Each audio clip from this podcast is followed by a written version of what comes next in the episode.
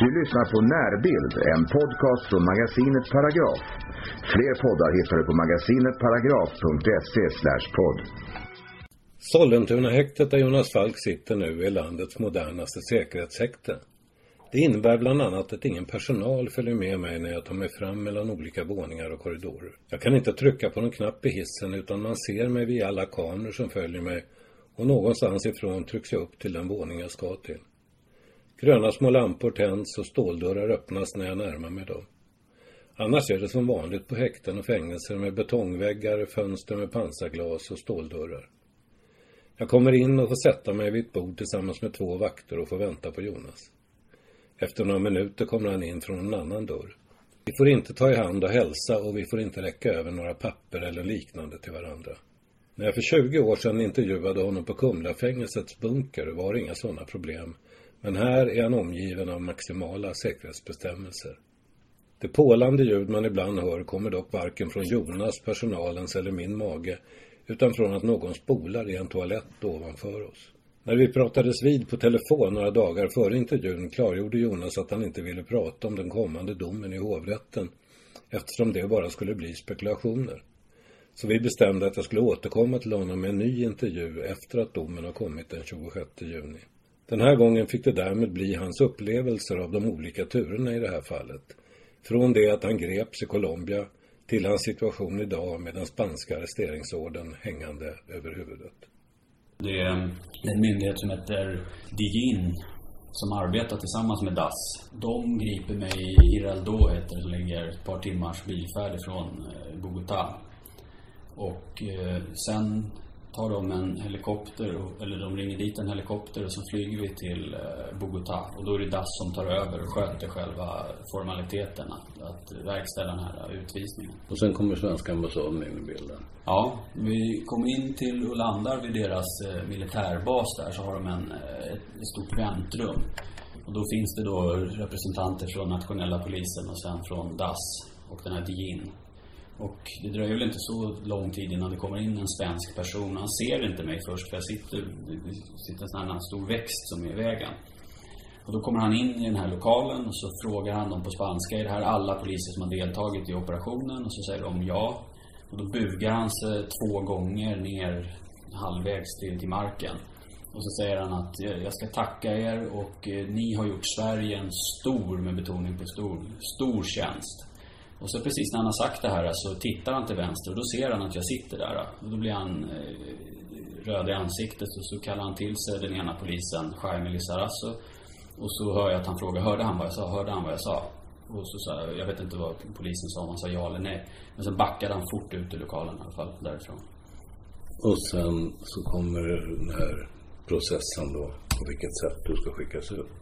Alltså vi har inte utlämningsavtal med Colombia. Nej, men du kan lämna ut. Du kan enligt en speciell eh, narkotikalagstiftning och samarbete så kan du göra det. Så att eh, det var ju vad de hade erbjudit dem från början. Mm. Men det ville inte Karin Bergstrand. Och då kom den här myndigheten in, den här DAS istället. Och så sa de att, vadå, vi kan utvisa honom. Och det är alltså en myndighet som har ägnat sig åt brott sedan 50-talet ungefär. Jag tror de var inblandade i runt 5000 mord eh, under eh, den här eh, La Violencia som det kallas en period i Colombia där. Eftersom det är Colombias säkerhetspolis. Och sen har de, jag kommer inte ihåg vilka år det var, men allt det här känner ju såklart svenska ambassaden till när man inleder det här samarbetet. Och det de har anklagats för, om man tittar på Google, googlar dem, så är det att de har varit inblandade i mord på Chefen dömdes ju bland annat till 25 år för mord på en människorättsaktivist. De har eh, fått en avlyssningsutrustning ifrån USA och ägnat sig åt att de sålde avlyssning till narkotikakarteller. Så att de kunde avlyssna poliser, domare, och åklagare. Så fanns det olika eh, prislistor på det. Då skulle man beställa avlyssningar på eh, andra kriminella som de sålde också. Och sen ägnade de sig åt att de avlyssnade själva domare i Högsta domstolen, politiker och journalister. Och sen dömdes de för att de hade hotat journalister också och eh, var direkt inblandade i eh, AUCs, de här dödspatrullerna då, paramilitära dödspatrullerna. AUC står ju för 80 procent av kokainhandeln i Colombia också. Så att de är ju involverade i det också. Och det tyckte svenska ambassaden var alldeles lämpligt att anlita dem för att iscensätta en olaglig utvisning. Förklara skillnaden alltså utvisning och utlämnande. Det är det som är... Ja, vid en utlämningsprocess så hade jag ju fått min sak prövad av en domare. Och då hade ju den här domstolen först tittat på den bevisningen som de hade skickat över. Och sen hade han ju också satt restriktioner att de får inte åtala utöver det som utlämningsavtalet avser. Och sen enligt colombiansk grundlag så får du inte vid en utlämning lämna till tredje land efteråt. Och det är bland annat det då som Karl Bergstrand eh, skriver i, i de här giftprotokollen då, att det är ett problem. Att man sen inte kan lämna vidare. Men vid utvisningen så försvann ju alla de rättigheterna. Och du menar att utvisning skulle man inte ha kunnat gjort rent formellt? Nej, eftersom det står ju i, eh, det är ju inskrivet i konstitutionen att om du har en flickvän i Colombia så får du inte utvisa någon.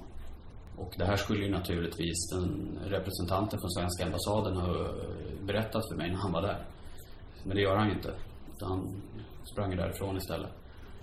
Och sen när vi begärde ut de här papperna, kommunikationen, så fick vi ut ett maskat exemplar av ett mejl.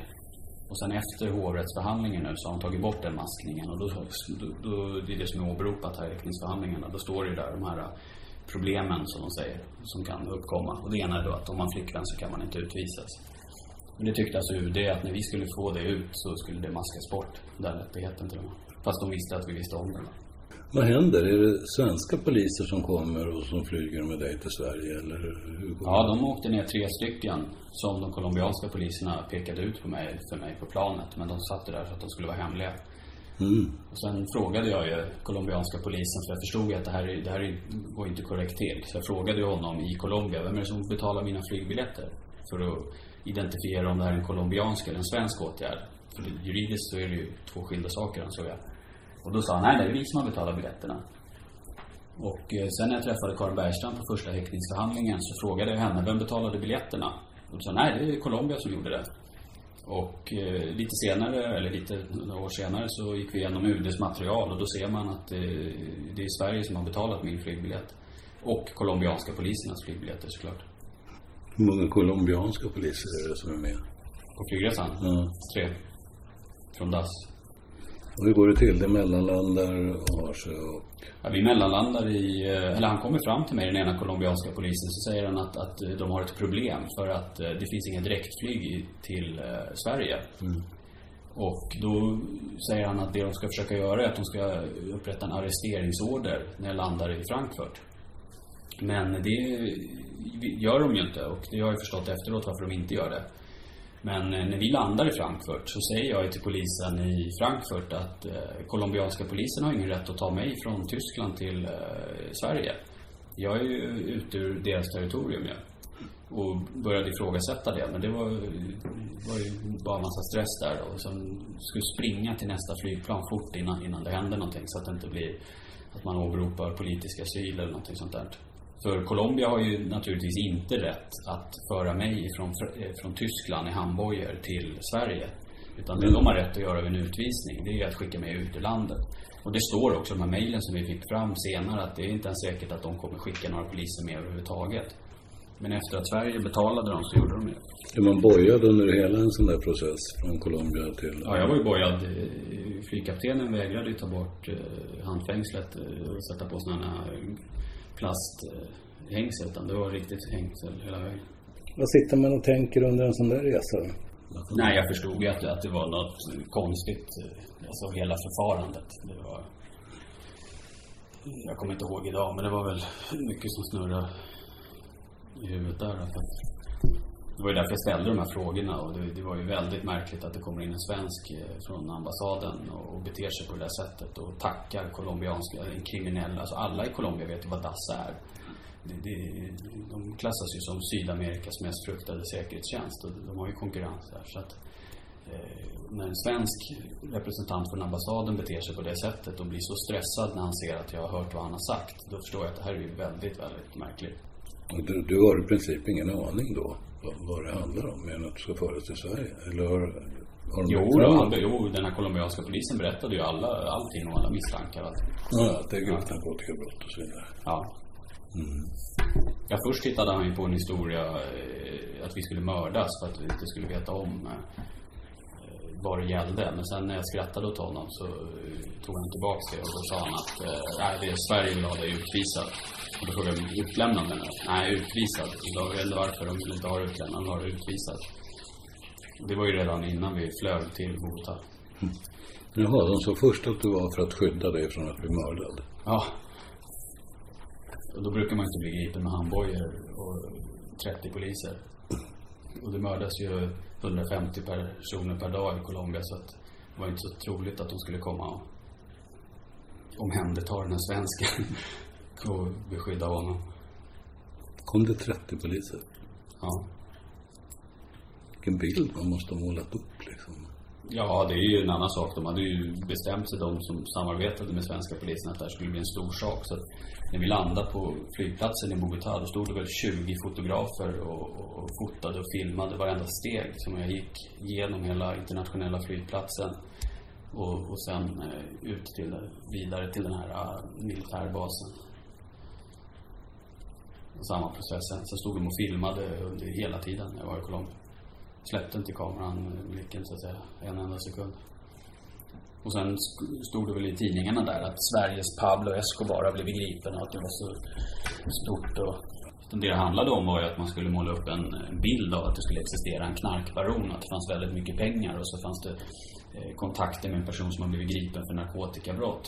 Och då gick man efter kvantiteten istället, så producerade man en av världens längsta rättegångar. Det som är fördelen med det anglosaxiska rättssystemet, det är ju den här tillåtlighetsprövningen som man har. Då måste man inför en domare först presentera bevisningen och så får man förklara vad det ska bevisa för någonting. Och sen avgör han om det är på det sättet och så får man sen åberopa det. Men i Sverige har vi fri bevisprövning så att åklagarna får ju åberopa precis vad de vill. Och därför kan de ju bygga de här äh, långa rättegångarna. Hade det varit i England eller USA så hade rättegången kanske tagit en vecka för att då hade de ju avvisat 99 procent av allting som de ville åberopa. Men det kan ju inte svensk domare göra. Hur, hur klarar du det här? Tre och ett halvt år isolering, ett och ett halvt dygn ute och sen in igen. Och isolering. Hur fixar du? Hur, hur funkar du mentalt för att klara det så att säga? Ja, den, det är en lite svår fråga. Fråga en psykolog. Ja. Nej, det är du menar var man får krafterna ifrån? Ja. Nej, det är ju på grund av att man inte är skyldig till det man är anklagad för. Så har man ju någonting att kämpa för. Det har väl förmodligen underlättat. Och sen att du jobbar med materialet hela tiden i princip. Ja. Och att du är en, den enda inblandade som kan lite spanska har haft betydelse. Ja. Eh, Du släpptes och så greps du igen efter cirka 36 timmar. Det här tänkte jag på när du släpptes. Alltså, inom kriminalvården har man ju utslussningssteg. Du gick från total isolering till att stå på gatan. Det måste vara den kortaste utslussningen i kriminalvårdens historia. Ja, på fem minuter. Ja, Eller tio kanske det tog. Berätta, vad händer? Någon knackar på dörren och säger du är fri? Eller? Ja. De eh, såg när de knackade på dörren, de har en lucka i dörren och sen eh, såg de att jag hade telefonen och hade pratat med advokaten så de trodde att jag hade fått det beskedet så att de öppnade och sa att eh, du vet väl vad vi ska säga. Då förstod jag vad de skulle säga men eh, jag visste inte det. Och eh, så sa de att du kan eh, packa dina saker och så kan du gå hem. Det måste snurra tankar i huvudet i ett sånt läge. Ja, det blev väl ungefär som att du skulle blinka och hamna på månen ungefär. Den kontrasten när du hamnar på gatan. sen. Och då är det ungefär tre och ett halvt år till 90 procent isolerad. Att till 100% isolerad. Jag är ju 24 timmar om dygnet isolerad. Om jag inte går ut på promenad en timme. Och så är du då ute, Träffa familjen, träffa din hund, gå på stan och handla kläder, fixa lite. Och så en kväll så tvärnitar du polisbilar. Ja, det började lite tidigare. Det började på NK så upptäckte jag tre stycken eh, spanare från eh, Rikskrim tror jag det var. Men eh, jag pekade bara ut vilka de var för de som var med, bland annat min försvarare var med.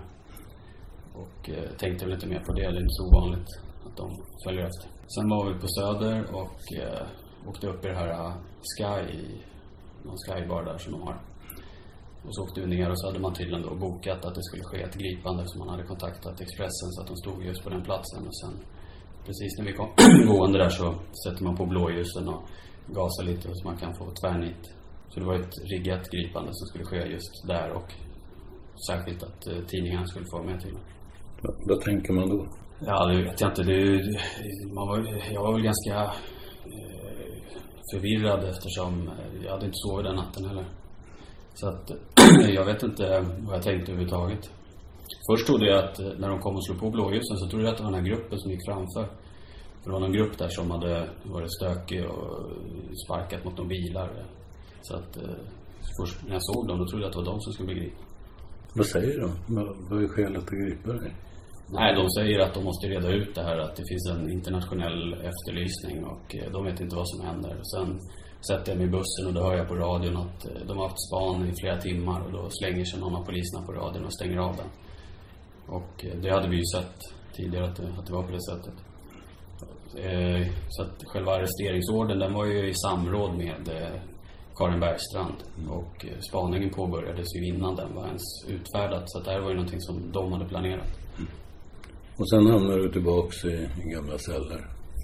Ja, först blev det arrest, fyllecell på Kronoberg och sen dagen efter eh, en kvart eller tio minuter i samma cell jag hade på Kronoberg. Sen direkt eh, blixttransport hit och sen samma cell som jag frigavs ifrån.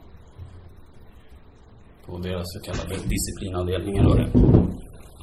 Och sen fattar kriminalvården beslut att du ska ha fullständiga restriktioner. Det var inte en propå från Spanien och inte från svenska åklagare efter jag förstår. Nej, svenska åklagaren skrev ner till Spanien och frågade om de, om de ville att det skulle vara restriktioner och då svarade han och sa att enligt spansk lag så får bara terrorister ha restriktioner och eh, det ska jag då inte ha såklart.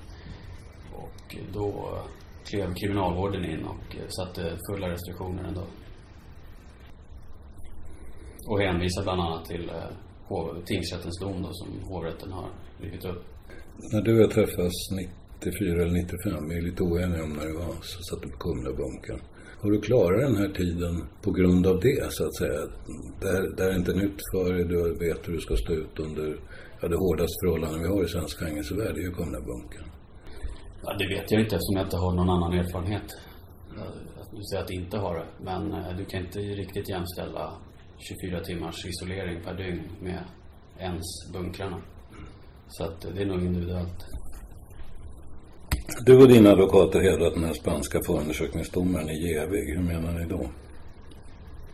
Eh, först och främst så har han deltagit, eller deltar fortfarande i en Joint Investigation Team. Det är alltså samma förundersökning som det är i Sverige. All uppfattning som han har om mig eh, härrör från eh, svenska eh, åklagarna Karin Bergstrand och eh, även Rikskrim då, som har varit där nere.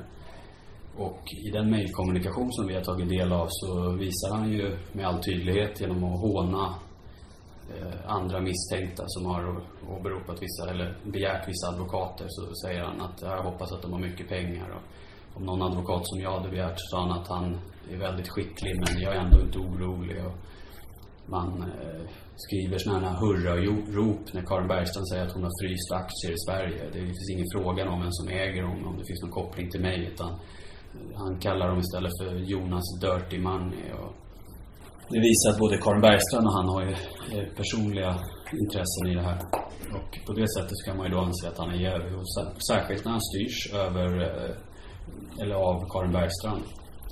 Och Karin Bergstrand har ju prövat sitt mål i Sverige nu och Svea hovrätt har upphävt häktningen. Och då blir det ju lite märkligt när en i teamet går in och begär en häktning en gång till och dessutom åberopar eh, Stockholms tingsrätts dom som bevisning.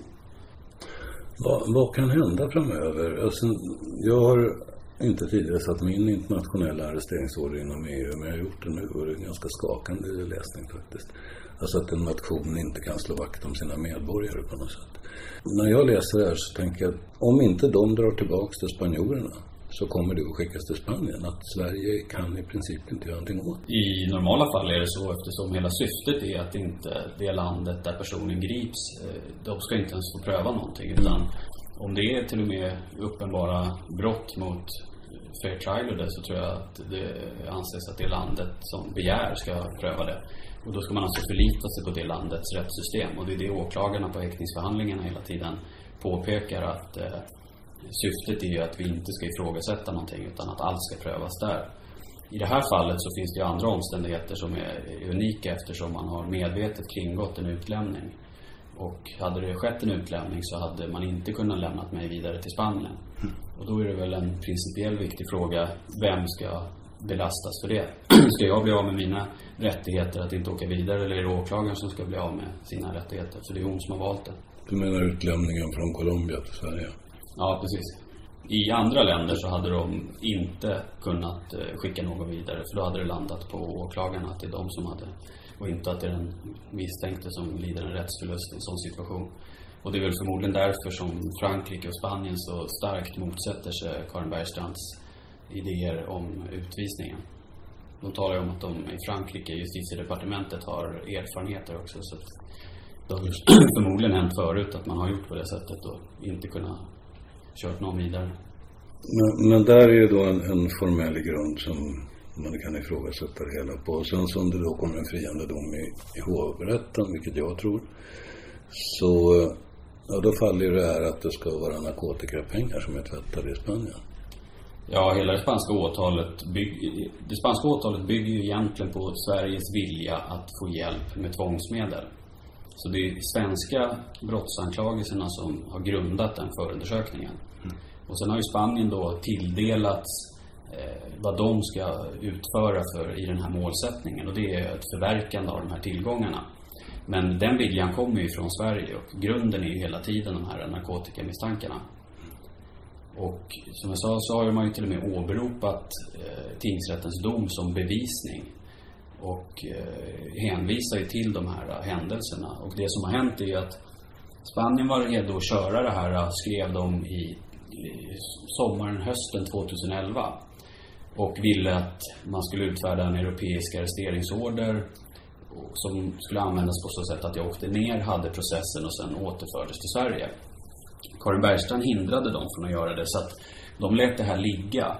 Och sen under våren nu när man har väntat i tre år så kunde man inte vänta två månader till till hovrättens dom. Utan då började Karin Bergstrand istället påskynda åtalet där nere. Så att man kan formulera det här åtalet på tingsrättens dom eftersom hon förmodligen insåg att eh, tingsrättens dom inte kommer stå fast.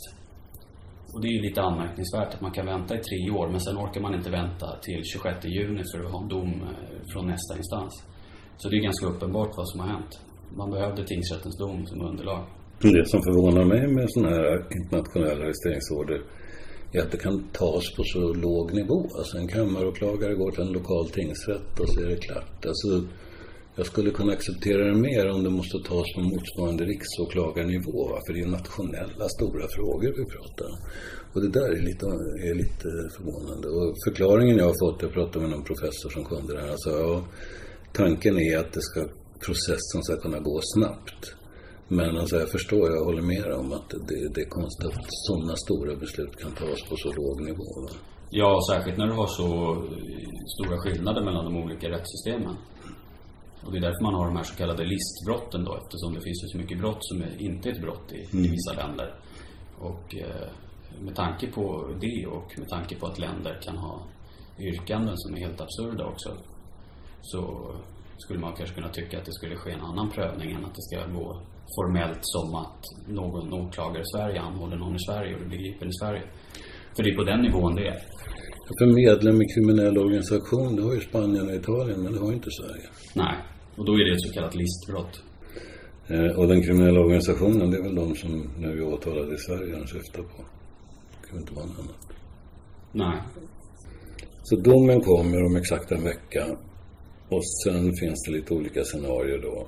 Vad skulle du sätta dina pengar på? Kommer du att skickas ner?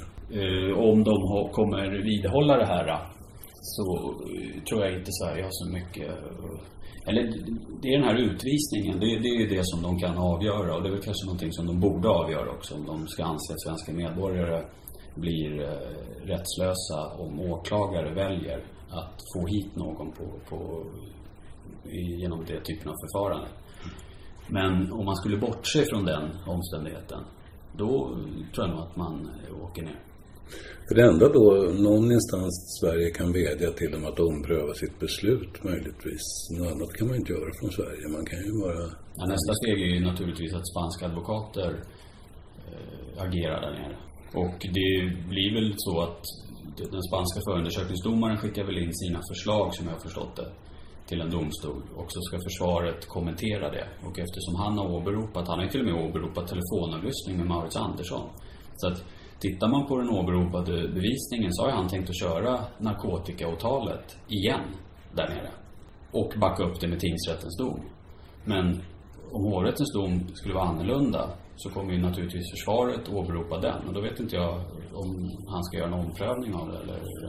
Det blir en märklig situation. Även om han som förundersökningsdomare med den inställningen han har tycker att det är okej okay, så kan man väl utgå från att en spansk domare, en riktig domare, kommer anse att en dom som har vunnit laga kraft kan användas och knappast en, en dom som inte har vunnit laga kraft. Som dessutom har överprövats.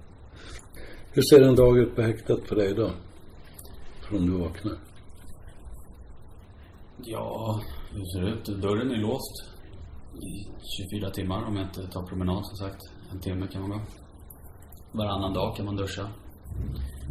Varannan dag kan man eh, eh cykla eller ro, en roddmaskin finns på den här avdelningen. Och varannan dag kan du raka det eller klippa naglarna. Och det är väl de aktiviteterna som finns. För övrigt så är det väl normala är väl 23 timmar om dygnet i en säng. Läsa en bok eller skriva någonting på datorn. Men du får ha ditt material som gäller ditt mål fortfarande? Nej, jag har inte det. Den var så omfattande så det gick inte heller. Utan det jag har på den här datorn är eh, avlyssningen och mejlen. Mm. Så det materialet kan jag jobba med. Men i, i pappersform och det så är det för mycket.